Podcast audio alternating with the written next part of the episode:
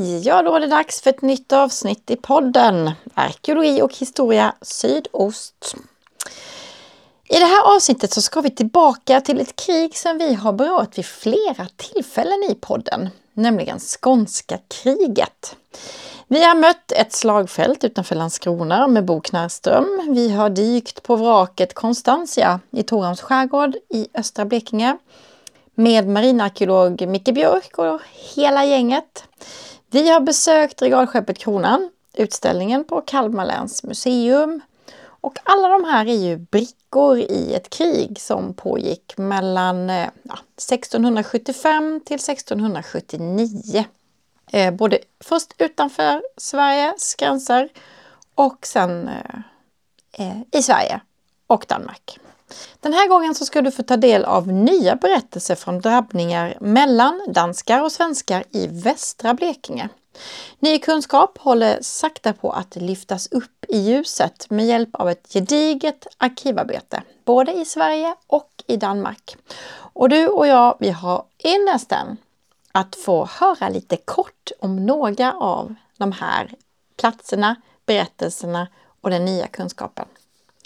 Vi ska i det här avsnittet besöka en handfull platser där vi börjar vid Gallerida-bron utanför Pukavik för att sedan stanna till vid bron i Mörrum, rondellen i Asarum, badplatsen Sternö-Sandvik precis utanför Karlshamn för att sedan avsluta i Björkenäs som ligger längst in i Pukaviksbukten. Det här avsnittet det produceras med bidrag från Länsstyrelsen i Blekinge. Och innan vi ger oss ut i landskapet så tar vi oss till Björkenäs vid Pukavik och hem till en av Blekinges absolut främsta arkivforskare.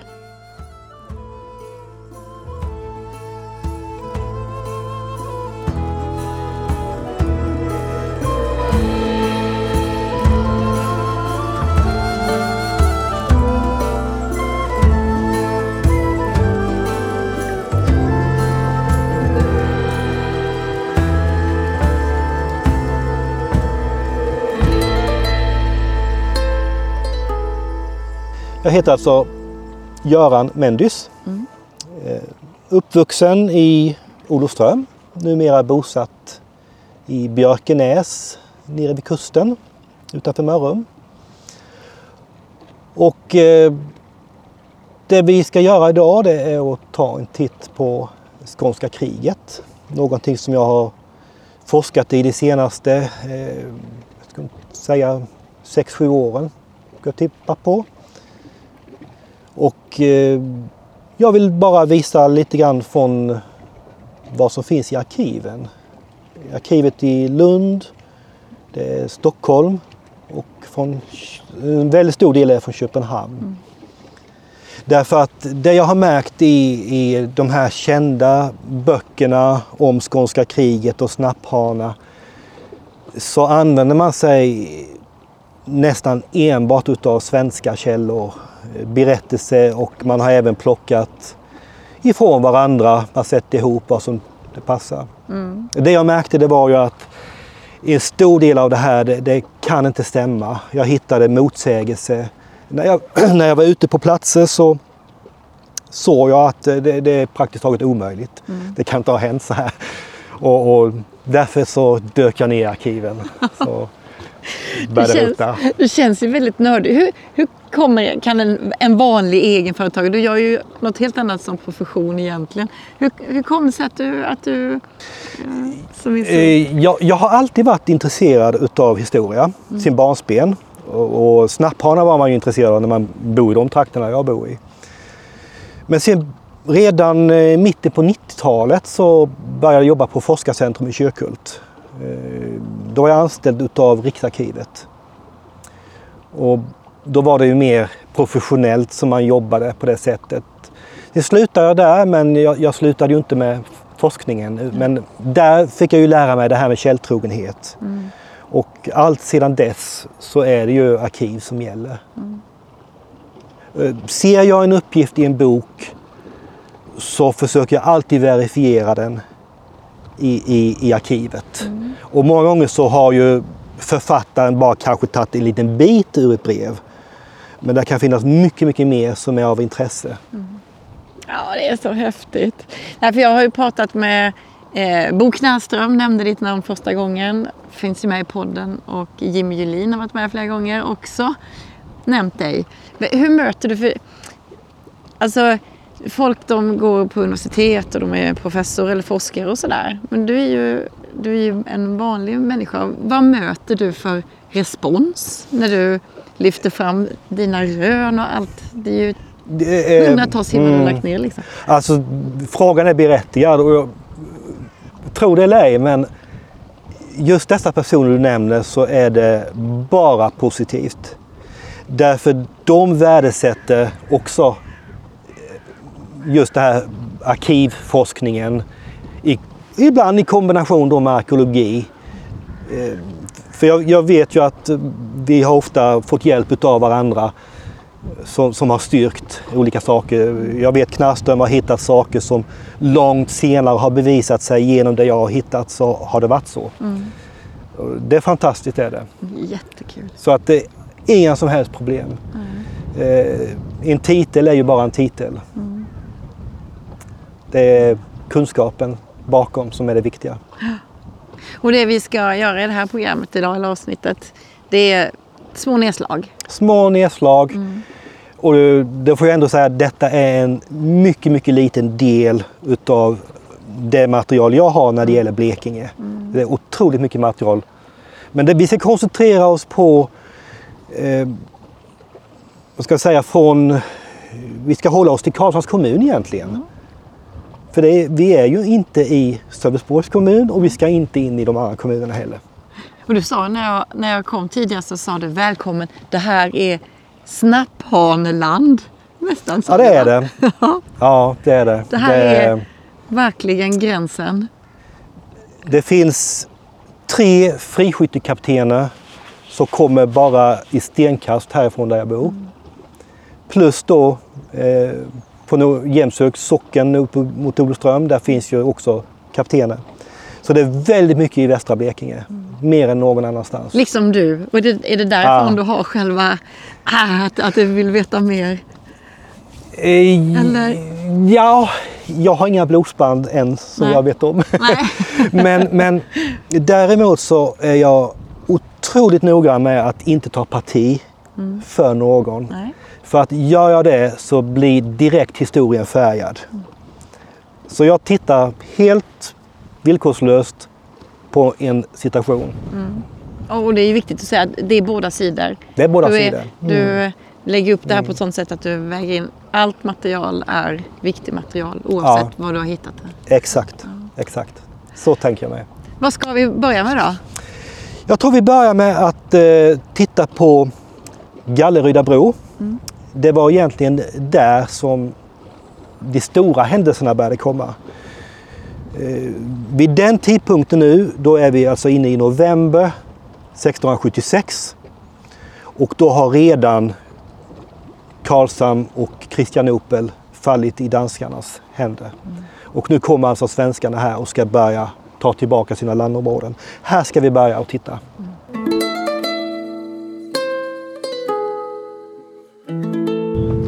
Men skånska kriget, då började det 1676. Eh, 76. Och det var, Sommaren 76. ja Mm. precis. Och det var danskarna. Eller vem, vem är det som ligger i, till skuld? Alltså kriget hade ju börjat innan Danmark och Sverige men, men man höll ju kriget eh, inte här i Sverige utan man höll ju till ner mot Tyskland och, Ja, och runt om. Ja, Så, så det, var, det var inget nytt i sig. nej. Utan det är ju bara att det, det förflyttades Mm. över till, till dessa landskapen. Undrar hur det var att leva här. Det vill man nog inte veta. Det måste varit... Eh, Det, det, jag, jag läste något avsnitt eh, idag som jag hade skrivit och det stod ju att eh, de gav order, det skulle plundras. Alltså, bönder, de tillät bönderna i, i Kronoberg komma ner och plundra bönderna här nere. Alltså det var ju fruktansvärt. eh. beskriva det. Men gud ja. Att hela tiden gå, gå omkring och vara rädd. Ja. Vi ska parkera där borta på parkeringen. Mm.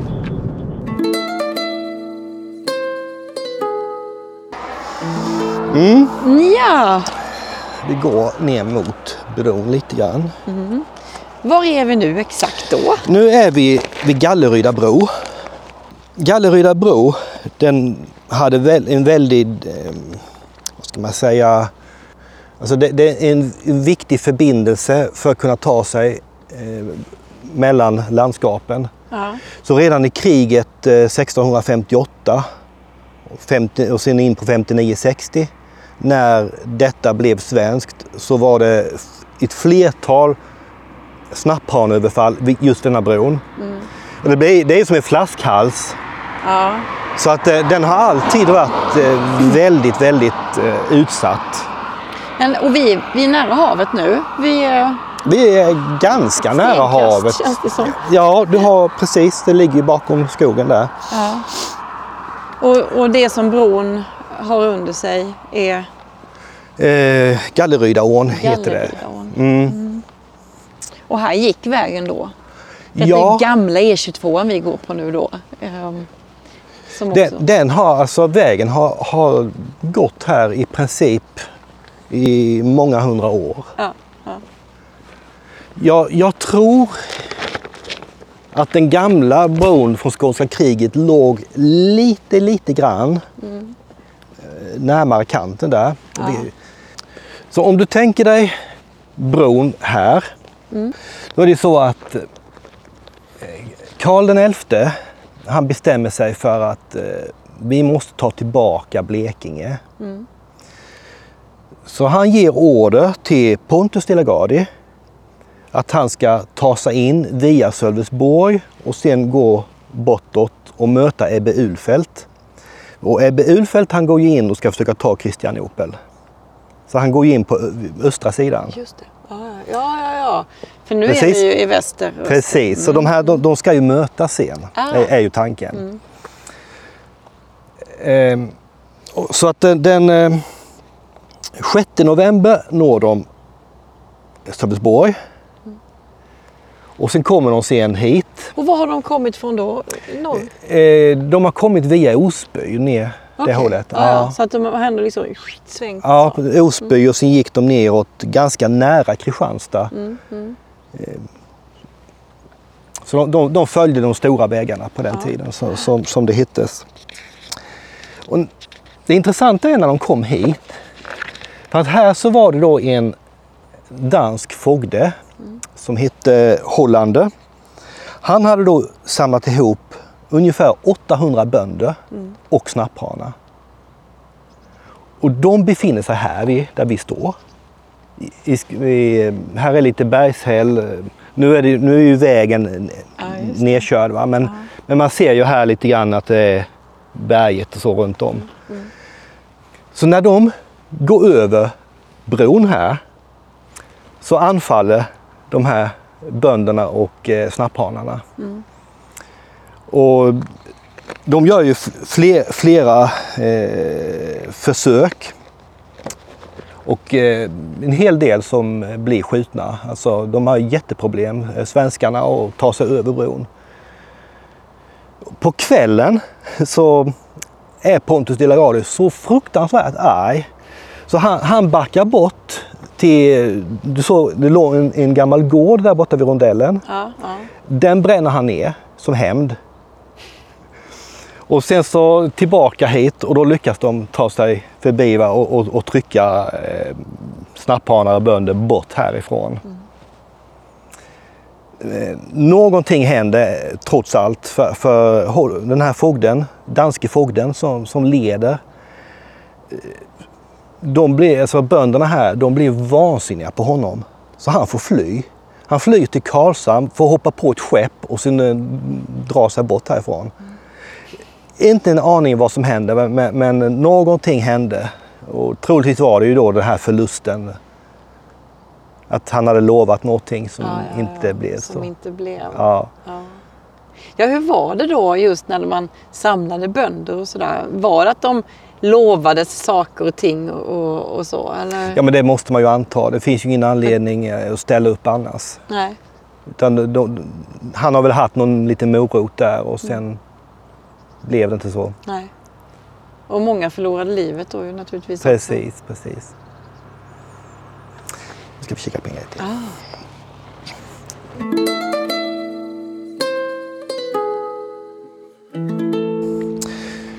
Den, den 22 april 1678 Då är vi, ja, då är vi en bit fram där ja. ja. Då är det här kända Ökenäs bränning. Alltså när Karl XI lät bränna alla gårdarna i socknen Ökened, Östra Göinge. Men det som har, är mer okänt, det är vad som händer runt om samma dag. Det är att de socknarna som ligger här nere eh, i västra Blekinge och eh, söder om Ökened, plus Jämshög, skulle man söka igenom efter snapphanar. Så man samlade ihop alla, eh, alla bönder i Mörrums socken här, i Gammalstorps socken och så vidare. För att de skulle marschera från gård till gård norrut och söka fullständigt igenom detta. Mm. Alltså Blekinges västra del då. Ja. Ja. Och i, I den här delen så bestämde Karl XI att vi måste lägga upp en spärr så att snapphanarna inte kan ta sig runt och sen fly bakåt. Och så han bestämde att vi ska bygga två stycken skansar. En i Mörrum och en här i Galleryda. Så på åken som du ser här, där låg en skans. Du ser, idag ser man bara en liten svag uppbuckling. Kulle, ja, ja, Ja. Det syns bättre när, du, när, när gräset har lagt sig, alltså li- senare på hösten eller tidigt på våren. Men där låg en skans som svenskarna byggde. Och den byggdes den helgen innan, så den stod färdig till måndagen. Så under helgen byggdes denna. Så man, man kan säga precis ett sånt där datum. Det, det var ju borgmästaren Blausius König som fick det uppdraget att bygga de här skansarna. Just det, han var här då va? Eller? Ja, han for lite överallt. Mm. Det var många som var inblandade i det här projektet eh, genom att utrota snapphanarna. Hur stor, alltså vet man hur den såg ut? Nej, inte exakt. Eh, Däremot så har jag hittat eh, kvitton på matleveranser dit efter detta. Nej. Och det står beskrivet då eh, hur mycket mat, vad de fick för mat, hur många, eller kläder fick de också. Och så då hur många soldater som var stationerade på de olika skansarna. Vad käkade de? Ja, det var ju ingen höjdare. Men det är ju inte idag heller om de ligger ute. Just det. wow! Så det är, Historiens vingslag, verkligen. ja, det är det. Så det finns att rota fram en hel del fortfarande som inte eh, folk känner till. Och detta du har berättat här nu, var har du hittat det? Just om Skansen, eh, där har jag hittat i Krigsarkivet i Stockholm. Eh, ja, just det. eh, det andra som vi pratade om innan, Ja. eh, när det gäller överfallet som var 76. Det var ju dels i Danmark på Riksarkivet och dels så finns det i eh, kan se, det är i, i Riksarkivet i Stockholm. Men i, i olika boxar. Alltså det, är inte, det ligger inte i, samlat utan... Och det är detta är så coolt, att Ja. bygga det pusslet. Mm. Wow! Så eh, ja, det finns, det finns att plocka av. Så jag har då jämfört eh, breven mot varandra för att kunna få exakt vad som hände. Spännande. Så är det här. Jäklar. Alltså, alltså det är, är häftigt att gå på de här platserna. Ja! Så varje gång jag passerar här så tänker jag på det. Mm. ja, det blir så... Mm. Eh, Levande. Ja, och när man kan mm. ta his, liksom våran historia så och lyfta in den på något vis. Ja. Här, här var ju ett eh, snapphanöverfall eh, 1600 59 eller 60. Mm. Och sköt ihjäl, eh, jag tror det var fyra eller fem stycken svenska soldater. Mm. Och någon överlevde. De tog upp han upp på en, i, i större bergshäll, i kulla här uppe. Mm. Klädde av honom och misshandlade och sen hade de festat runt honom. Eh, snapphanarna de blev tagna och eh, avrättade. Nu ska vi till Mörrums kyrka. Mörrums kyrka. Mm.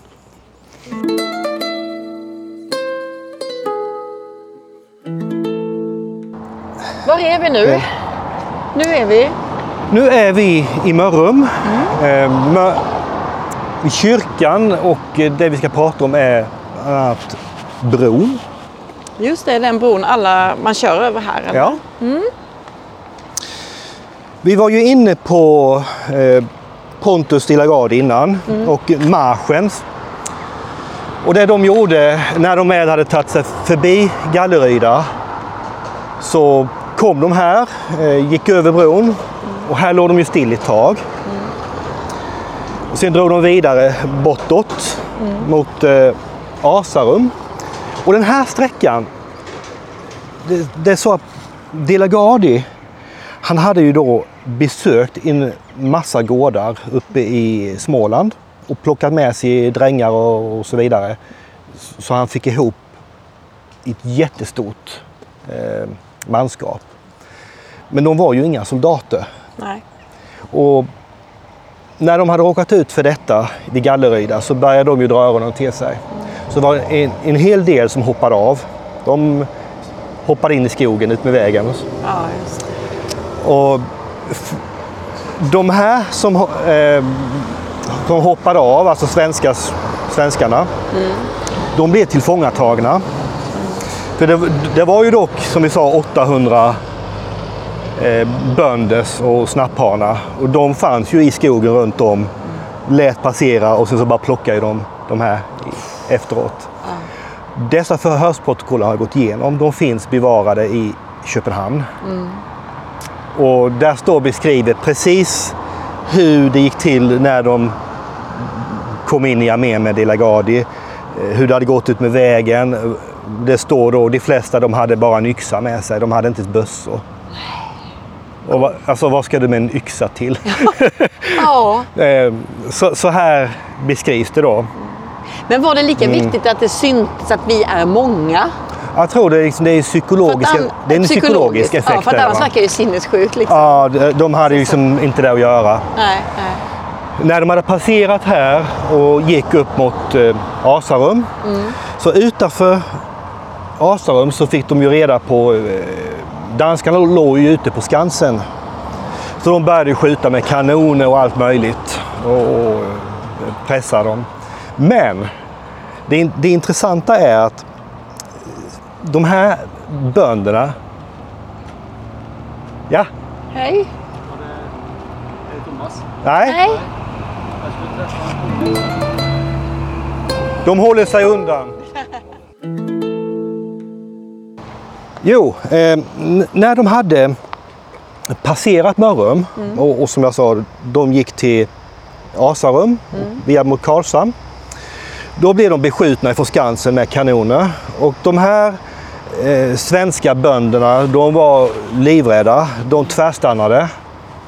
Och De la Gardie, han blev så rasande så, så han tog sina egna soldater, ställde ut med vägen och så riktade han små kanoner och, och sa rent ut till dem, ni går annars så skjuter jag. Så han, han pressade dem bortåt. Mo- Och, eh, när de kom sen till eh, utanför Ronneby, då var det ohållbart. Så då var han tvungen att släppa dem.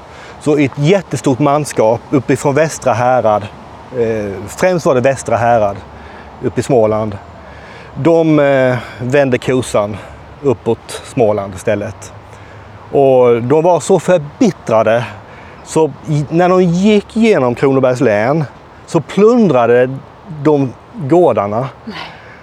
Så bönderna i Kronoberg de fick, tog sina familjer och fick fly ut i skogen. När de här svenska bönderna som var på väg tillbaka, så de var så rädda för dem. Så det slog helt bakut. Och, och, och sådana här, är det vittnesmål då? Eller var kommer de här berättelserna Eh, en del, ja det är olika. Det är lite vittnesmål. Och sen är det landshövdingen i, i Kronoberg, Liljekrona, som beskriver i en rapport till kungen då vad som händer och sker. Eh, Åh! men det slutar ju inte där. Nej. Eh, eh, De la Gardie, han eh, stannar i Ronneby. Och sen så möter han upp Eb- Ebbe Ulfeldt när han har varit i Kristianopel som inte gick bra alls. Han blev besegrad av snapphanar och danskar. Sen ska de vända och gå tillbaka hit. Och när de är vid Bräkne-Hoby så får de reda på att då har bönderna varit här och slagit sönder bron. Så de kan inte komma över. Så då skriver man ett brev till prästen här i Mörrum att eh, om inte de fixar bron så den är färdig till när de kommer så ska de bränna ner hela socknen. så det, det, det, var, det, var, det var tufft. Och, och då skriva brev. Det är inte direkt att de har smsat utan de har skrivit, någon har ju fått rida Ja. som en galning. Precis. Och det måste ju fram och budskapet ska, Ska fram, fram. till alla. Ja. Och man måste uppbåda folk tillräckligt för att fixa bron. Eh, De hinner i alla fall. De tar sig förbi och eh, ska då ta sig ner, mot, eh, ner, ner till Lund, till slaget i Lund. Det intressanta i det här, hela den här historien är att innan De la Gardie nådde Blekinges gräns så hade Karl XI skickat ett brev till Pontus de la Gardie att han skulle avbryta marschen mot Blekinge och bege sig raka vägen ner till Lund. Men det här brevet blev eh, beslagtaget. Så det nådde aldrig honom. Så allt det som har hänt här i Blekinge, det skulle aldrig ha hänt. Nej. Det, det, det, det är intressant. Eh, Karl XI han fick skicka tre brev innan Pontus de la Gardie fick beskedet. Uff. Och han hann inte ner till Lund Nej. innan slaget var där nere. Nu vann de ändå så att, eh, det gick ju bra. Men ja, man ser hur, hur historien kan få vändningar med bara ett Verkligen. litet papper. Ett litet papper. Mm. Har du sett några av de där breven? Ja, ja, ja. ja, ja. Jag, jag har läst allihopa. Wow. Ja. Hur står det liksom? Ja, det, i, I början står det inte så mycket mer än orden. Men sen står ju då att vi förstår att du inte har fått brevet. st- Står det i slutet då. Så, så ja. Åh, vilken berättelse. Mm.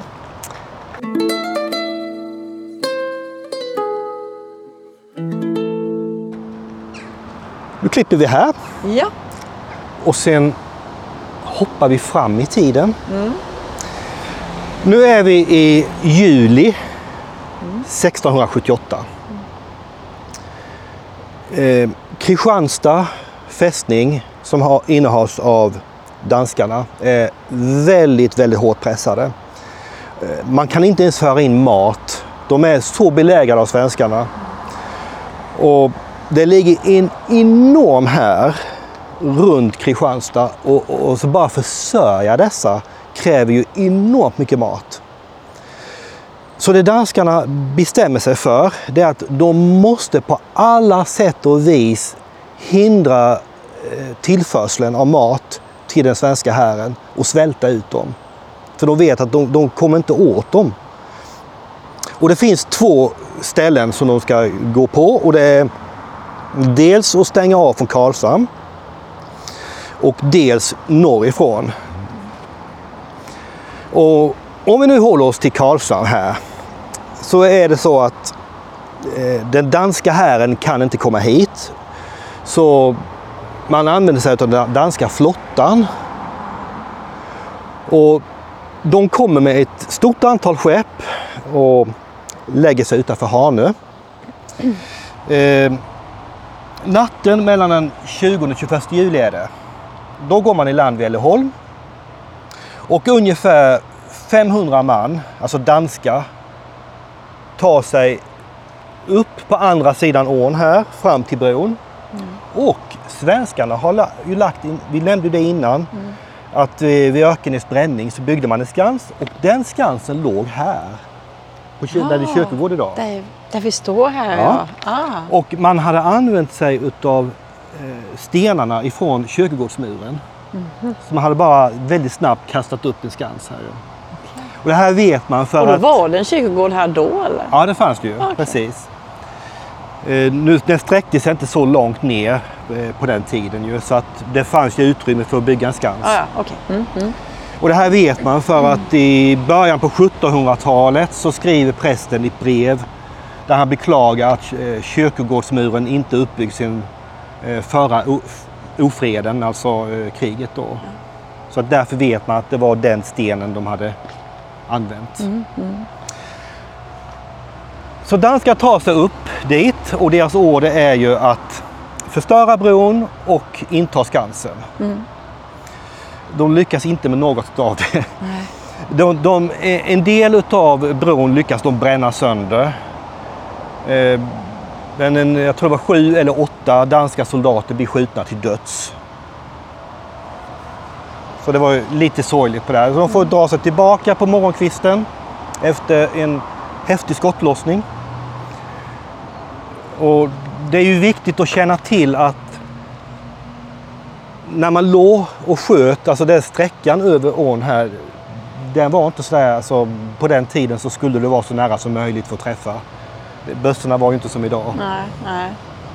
Eh, det är som Knarström sa till mig att man ska, de hade fått order om att de skulle se männen i vitögat för att, innan de sköt. Alltså så pass nära ska de vara. Hjälp. så var säkra på att träffa. Ja.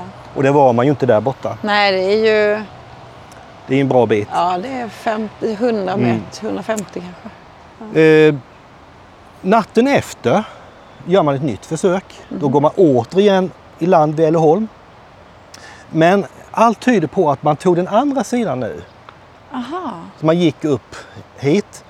Och sen står det att man låg, låg vid eh, Länsmansgården och det kan vara så, eh, det är ingen som vet idag, men troligen så låg Länsmansgården på den sidan. Andra sidan vägen. Så man, man, man tog sig runt så här och sen så sköt man på Skansen. Och man träffade kaptenen, den svenska kaptenen, han dog. Och då ropar danskarna ner till svenskarna att ge ni er nu. Men eh, svenskarna svarar med skottsalvor istället. Åh, Och de håller ut så att danskarna de får gå tillbaka. Och eh, hoppa på skeppen och därifrån. Många kan ju tänka så, jag har fått de frågorna, ja men om man nu gick i land i Älleholm då borde man ju kanske bränt gården och sånt där nere i Älleholm. Men det står uttryckligen i den danska orden att de fick inte röra Älleholms gård eller befolkningen där nere. Okej. Så de, de var Var de danskvänliga? Eller vadå? Nej, det var väl något sätt att de skulle vara fria på grund av att man använde marken. Ah, ja, ja, ja, ja. Okej, okej. Så, så det fanns ett litet hjärta Ja. med det. Ja, just det. Ja. Undrar om de hade någon, någon hake på dem då? Eller är det bara? Mm.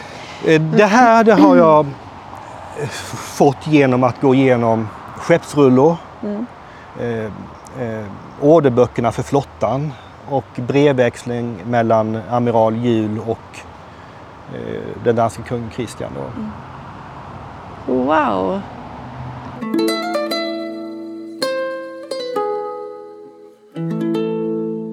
Eh, vi befinner oss i Asarum, i rondellen. Och här var ett, eh, ett slag mellan eh, snapphörna danska och eh, svenska. Och det var i, i samband med eh, att danskarna låg ute på Skansen och de var belägrade där, där utav svenskarna så de skulle få undsättning ifrån Kristianstad. Och det här har beskrivits på lite olika sätt. Eh, jag lyssnade på en föreläsare som sa att de låg uppe i backen och var gömda. Ett Wachtmeister låg där och sen bara låg de och sköt prick på danskarna när de kom. Eh, det låter ju häftigt. Men eh, vi var ju inne... Eller har, alltså det här med, med, med träffsäkerhet, det finns inte en chans att träffa på det avståndet.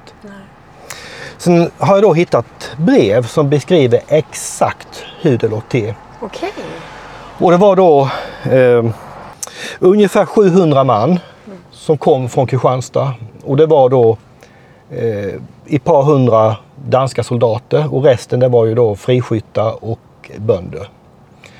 De kom, de hade legat några nätter i Mörrum och väntat in alla så här. Och sen så promenerar man mitt i natten och ska bege sig ner till Karlshamn. Men då har de ju haft en spion i Mörrum. Så de vet att dessa kommer. Och här låg ett eh, gästgiveri, eller vad man ska kalla eh, vid, här vid rondellen. Jag tror det låg här uppe. Och bakom låg det då en vaktstyrka som väntar och resten de befinner sig längre bort. Och rätt vad så kommer ju dessa gående. Så när de är tillräckligt nära så börjar de skjuta. Och då hör ju svenskarna också detta så de kommer ju så fort de kan till, till undsättning. Och det nämns att det eh, var väl sju eller åtta friskyttar som dör. Eh, två stycken blir väldigt svårt sårade. De tas till Kristianstad. Och det finns kvitton på läkevård. Så, så vad den här läkevården kostade och hur länge de låg inlagda då i Kristianstad. Wow. Så det, det, det är ju rätt så imponerande och intressant när man ser kvittona. Ja. Eh, annars är det inte jättemånga som dör. Nej, det det lät eh, inte... Ja, alltså många, jag har läst eh, på vissa ställen där har stått det att eh, det var rena massavrättningen efteråt och blodet flöt på gatorna och så vidare. Men ingenting stämmer. De hittade ett fåtal som var döda. De hängdes upp med fötterna före. Bara för mm, demonstration. Så det här, det här avbräcket, det, det är... eh, eh, ja, svenskarna trycker tillbaka dem så danskarna misslyckas ju fullständigt. Och det här gör att eh, Skansen faller dagen efter. Alltså det, det, de kan inte hålla emot. Så de, de ger upp helt enkelt. Wow. Stor skillnad. Du vet, jag har av, avskrifter på breven och Ja, eh, här är hur svenskarna bombarderar Skansen. Det är mäktigt.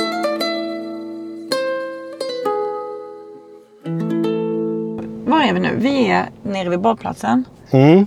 Ehm, vet, vad heter badplatsen? Sta- heter den heter Sternö badplats eller heter den Sandviks badplats? Sternö.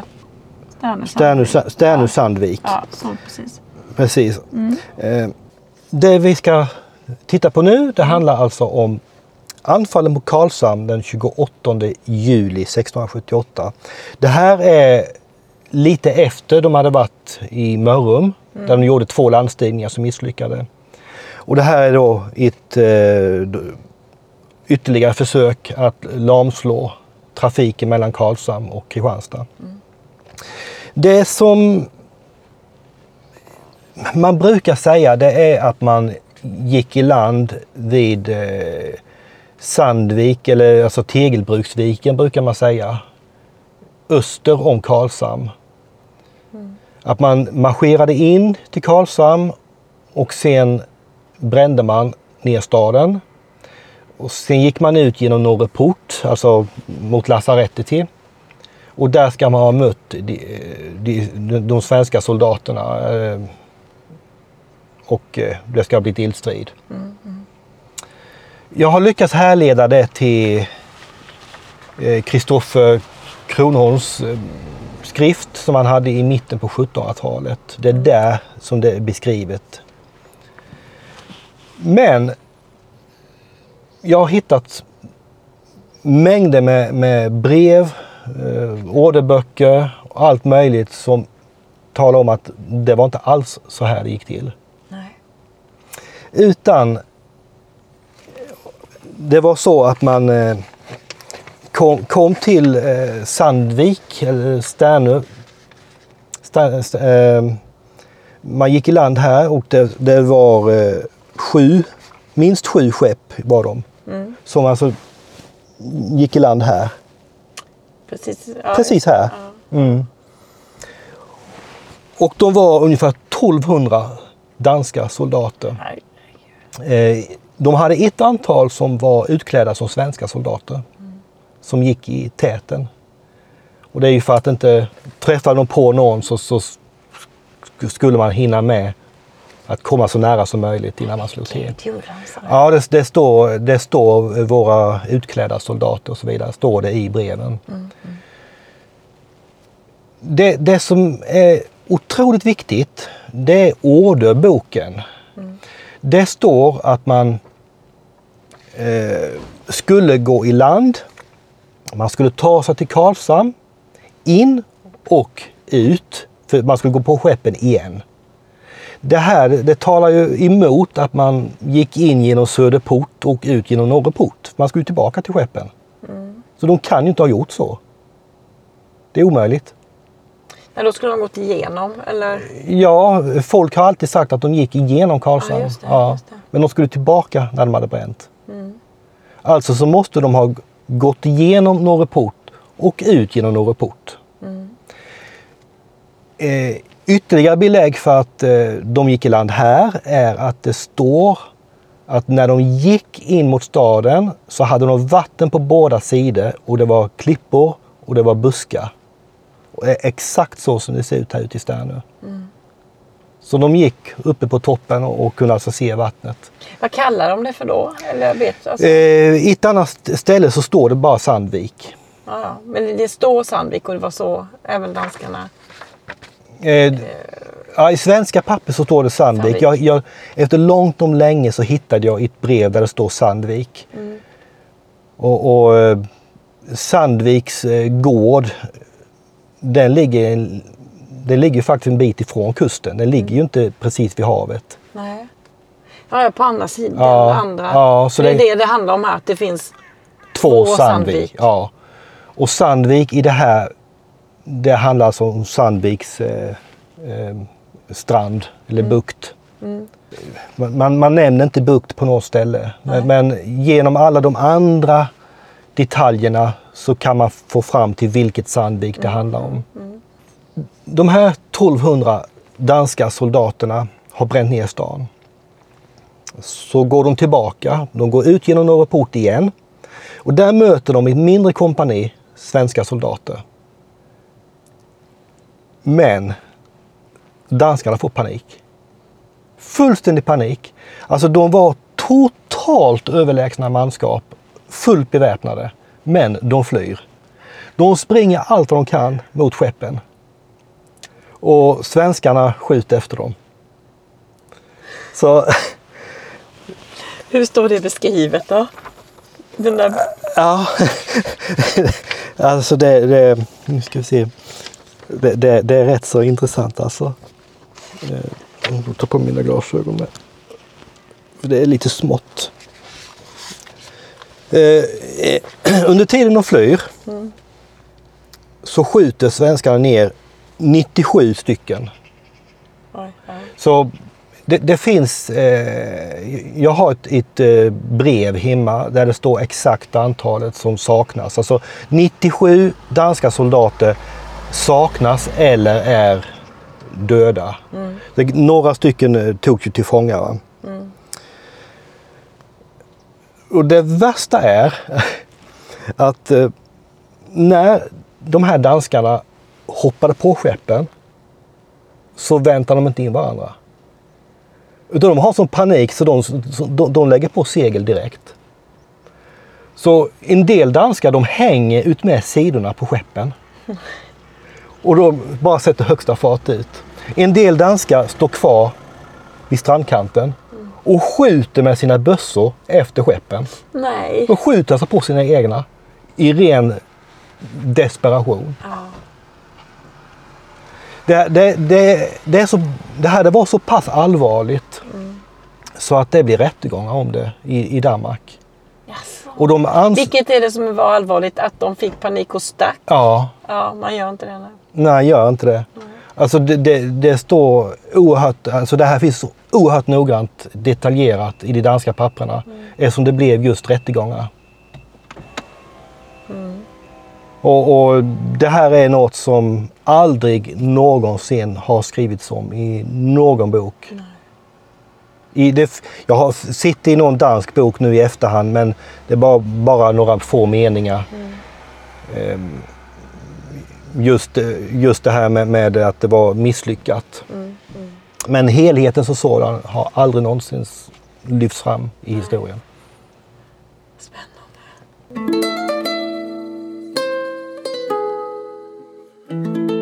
Åh! Är det han? Ja, Wow! där borta ja. Ja. Långt borta i horisonten ser du hanen som sticker upp.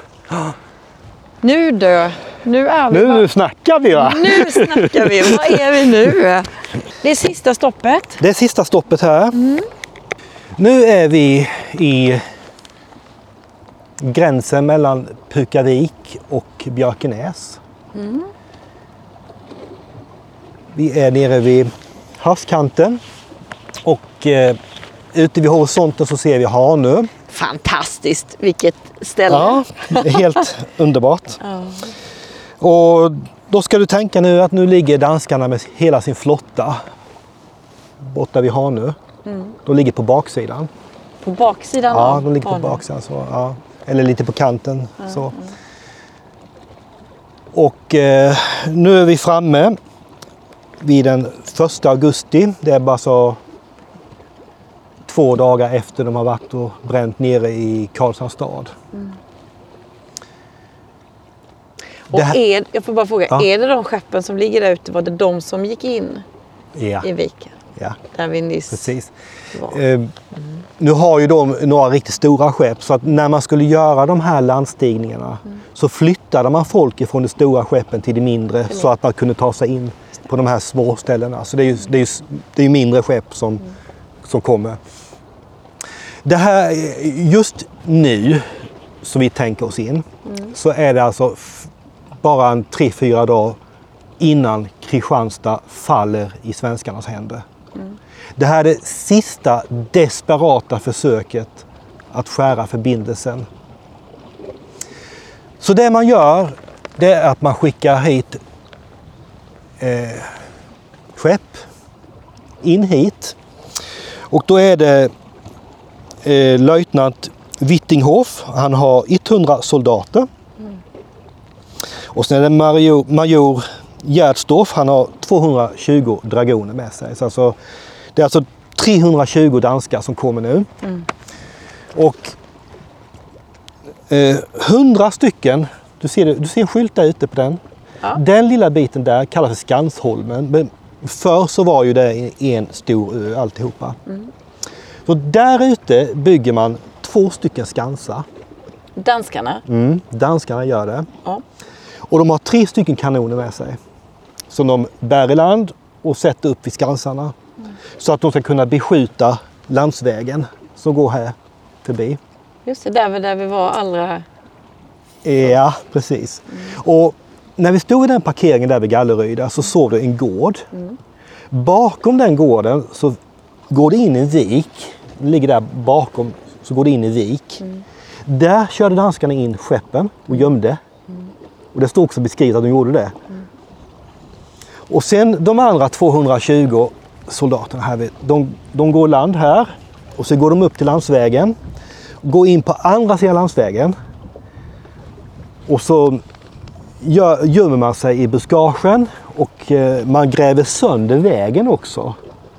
Så stora, ja, du, du kan liksom inte fara förbi bara i full fart. Plus att det kommer friskyttar och det kommer även bönder till hjälp. Och de lägger sig där uppe. Sen på kvällen så har ju då Gyllenstierna fått reda på att ja, men de håller på med skansar där. Vi, vi måste sätta stopp för detta. Och mm han är ju riktigt stor i kåken. Så han skickar ner ett kompani. Och, och det är ju kapten Rosenhane som kommer då på natten. Men ack vad han bedrog sig denna gången. eh, han rider rätt in i bakhåll. Mm.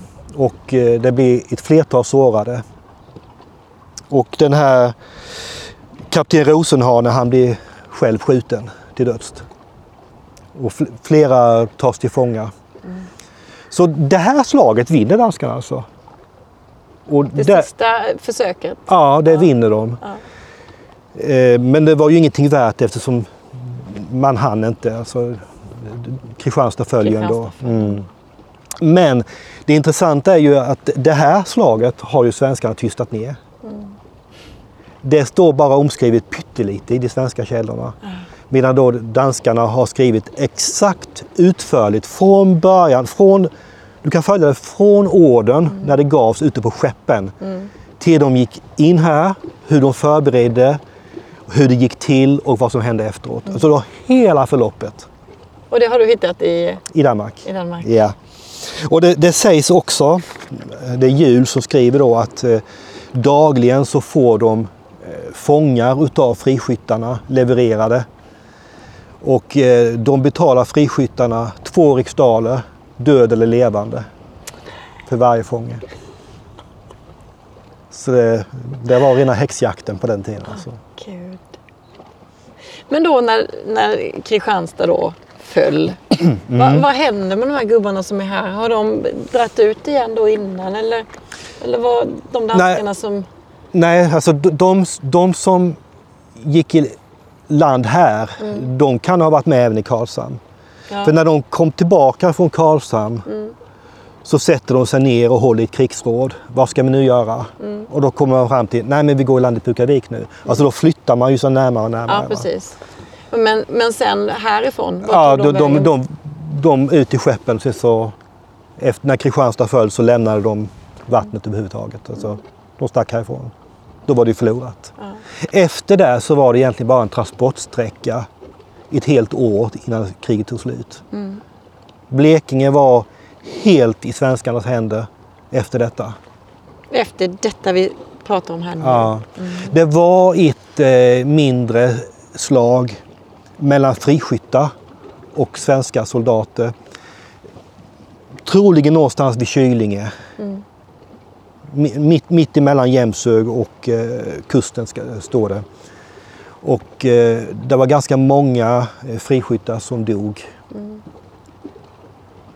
Ja, det måste vara mm. svårt också, som när vi pratar om att han De la Gardie, eller vad det var, mm. i Mörrum där som det tog tre brev innan, innan han fick veta att han inte skulle... Ja. ja det, att det, för mm. många av de här friskyttar och soldater och så där, som har kommit på villovägar som är en bit ifrån där det bestäms. De mm. fortsätter väl att operera med det de oh ja. trodde. Oh ja. Även om det mm. kanske inte ens var någon mening ja. att inte skulle.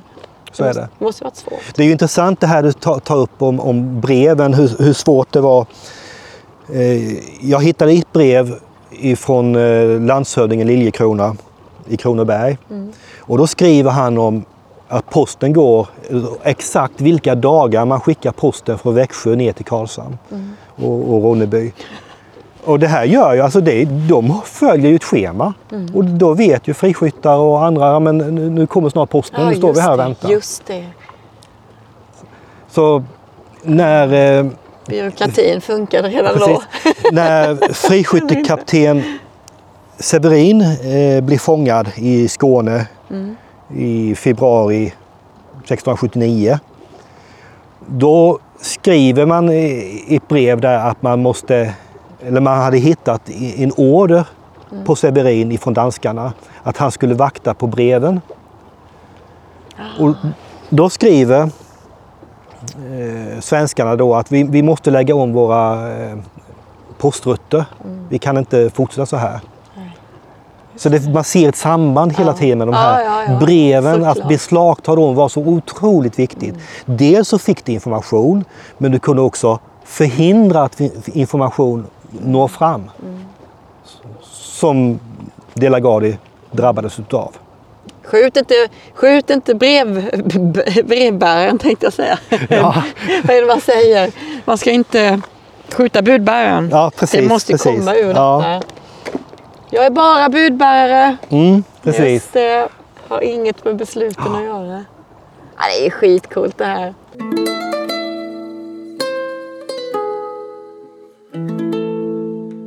Men du, jag tänkte på en annan sak. Det är ju detta, jag är ju då en kvinna va? Men, men, men, men, men. Finns det några kvinnor, du som nu har varit i arkiven? Ja, det finns det. Eh, jag kan nämna ett par stycken. Och det ena är uppifrån Jämshögs socken. Där var det en kvinna som eh, hon stal eller levererade eh, kreatur, oxar och så här. Till? Ja, till de som sålde vidare sen. Ja. Eh, häleri. den, den här eh, kvinnan, hon eh, blev påkommen. Alltså de kände igen henne och eh, bönderna där uppe de sköt efter henne och träffade henne också. Men hon lyckades ta sig hem till sin mor i Gränum. Där hon sen dog hemma hos henne. Och eh, då hade hon på dödsbädden berättat vissa saker. Eh, Och hon var känd som en snapphane. Okej. Och hennes pappa var Olof Pedersen i Holje som var sanslöst rik och var känd som en svenskhatare. Han eh, beskyddade snapphanar i det andra kriget som var då 1658 eh, till 60. Där, där, där var snapphanar som bodde hemma hos honom. Så det är en hel historia bara det. Det andra är eh, det var en, eh, ett antal... Bara, eh, bara fråga då, det du berättar nu, vad har du sett? Vad har du sett detta? dokument. Dokument Ja. ifrån, eh, är det Köpenhamn? Eller? Eh, detta hittade jag i Lund, Lund. på Landsarkivet i Lund. Lund, Ja, ja. mm, Mm, mm. precis. Förlåt. Ja. Eh, det andra exempel jag kan tänka på det är eh, ett antal borgare i Ronneby som skulle ta sig till Karlshamn. Och då tar de en båt. Det borde ju vara säkrat på båten för friskyttarna höll ju till på, på land som sagt var. Men strax utanför Ronneby, man bara kommit en bit, så märker de hur en eh, båt väldigt snabbt ror ikapp. De kommer från, inifrån land då och ror ut efter dem och kommer ifatt dem. Och där är det ett antal eh, friskyttar eller snapphanar i den här båten och där är även kvinnor. Och de eh, båda, den här båten då med borgarna och eh, stjäl en massa pengar. De skjuter ihjäl en utav borgarna också.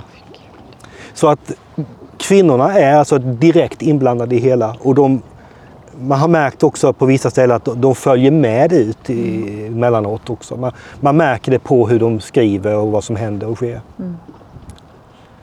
Men vad, vad, vad, vad tror du ändå det är som gör att man inte hör så mycket om det? För jag, alltså jag kan ju tänka mig att, att många kvinnor... De, de, ja, det är svårt att säga varför. Eh, de, de var ju även... Eh, det har jag inte läst själv utan eh, Jojan Wadebringer då som eh, forskar nere i Skåne för det mesta. Hon har skrivit en hel del. Hon har ju berättat för mig om eh, hur kvinnor la lappar under brösten och sånt här. Man toppade dem, de fick ju klä av sig vet och de hittade ju lappar. Och, och, och, så de var ju alltså direkt inblandade men i det stora hela, det var ju, alltså det var ju bara männen som fick betalt som friskyttar. Det var ju inte kvinnor. När de kanske var med de där som, som kunde infiltrera och kunde vara den listiga delen. Ja, kanske de. inte så Mm. mycket den eh, fysiskt fightande delen. Det, det, det var de alltså. De, de var... Jag tror inte de sköt heller som du säger utan det var mer på ett annat sätt. De var delaktiga. Och då syns det inte heller riktigt, riktigt lika mycket. Nej, det blir ju det. Det, det. det nämns bara lite här och lite där. Man, man hittar lite... Eh, jag har hittat eh, protokoll. De här fängelselistorna som vi har nämnt innan som finns uppe i krigsarkivet. Eh, där står det ju eh, snabbt, snapphanehoran till exempel som sitter i fängelse. Sna- Snapphon, ja, eh, olika sådana här benämningar. Så att, det. det visar ju att de var det. De var inblandade och de fängslades även de. Jag tänkte nu, du har ju läst både papper eller från arkiv i Sverige och i Danmark och så. Kan du se skillnad? Alltså är det så att de har kryddat på lite? Kan du märka att de liksom lite när de har vunnit eller det har varit någonting oh, oh, att, de, att det verkligen Oh ja. att det står Nej, men absolut. Det- sådär upphaussat? Det är det från bägge hållen. Ja. Så, så eh, när jag ofta har sett eh, rapporter så finns det, ibland så nämns en siffra i ett brev. Men sen kan man hitta slutrapporter. Och när det är uppstaplat. Så när det gällde eh, de här vi har varit inne på i Älleholm, landstingen där de gick mot Mörrum och Karlshamn. Där hittade jag eh, eh ett papper i Danmark där det står uppradat precis. I, I Mörrum så var det så många som eh, dog, så många som blev eh, skadade och, och, och för varje landstigningsförsök så ställs alltså uppradat där. Ah. Så då ger ju det en, en bättre bekräftelse än de här breven som skickas. Just det. Så det är lite olika. Eh, Jag har något brev från eh, landshövdingen i Kronoberg där han skriver att när Pontus de la Gardie och Ulfelt var här så var det, han skriver att det var fyra samman, eller tre sammandrabbningar sammanlagt. Och då räknar de in en upp i söder om Osby, Hönjarumsbro. Där var en sammandrabbning. Och då skriver han då sammanlagt i dessa så var det si och så många som dog. Och Ja, ja. det är ju rätt så trovärdigt också. När man slår ihop det som en, ja, det här är liksom slutresultatet utav det som har hänt. Ja, det är skitspännande alltihopa.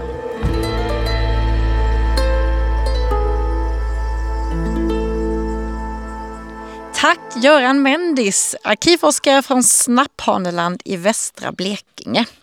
Ja du, det var må- många år och mycket datum men huvudsaken är att du har fått lite inblick i hur detaljrikt man kan följa ett krig genom att gräva i arkiv. Det är så häftigt. Tänk dig inköpslistor, klädbeställningar, matleveranser och dagböcker och brev från båda sidorna. Och så pusslar man ihop det, lägger dem med lite datumordning och så växer det fram fantastiska berättelser. Ja, och jag kan nästan lova, eller jag kan lova, att vi kommer att få träffa Göran igen och eh, både prata om hans arkivforskning, hur det går till när man är i arkiv, men även få fler ögonblicksbilder från vår historia. Eh, jag har två rättelser som jag måste göra för det här avsnittet. Eh, Slaget i Asarum som Göran berättade om var i mars månad 1677. Vi glömde att nämna det och en rättelse från vårt sista snack här så berättade Göran om en kvinna som dog i Gränum.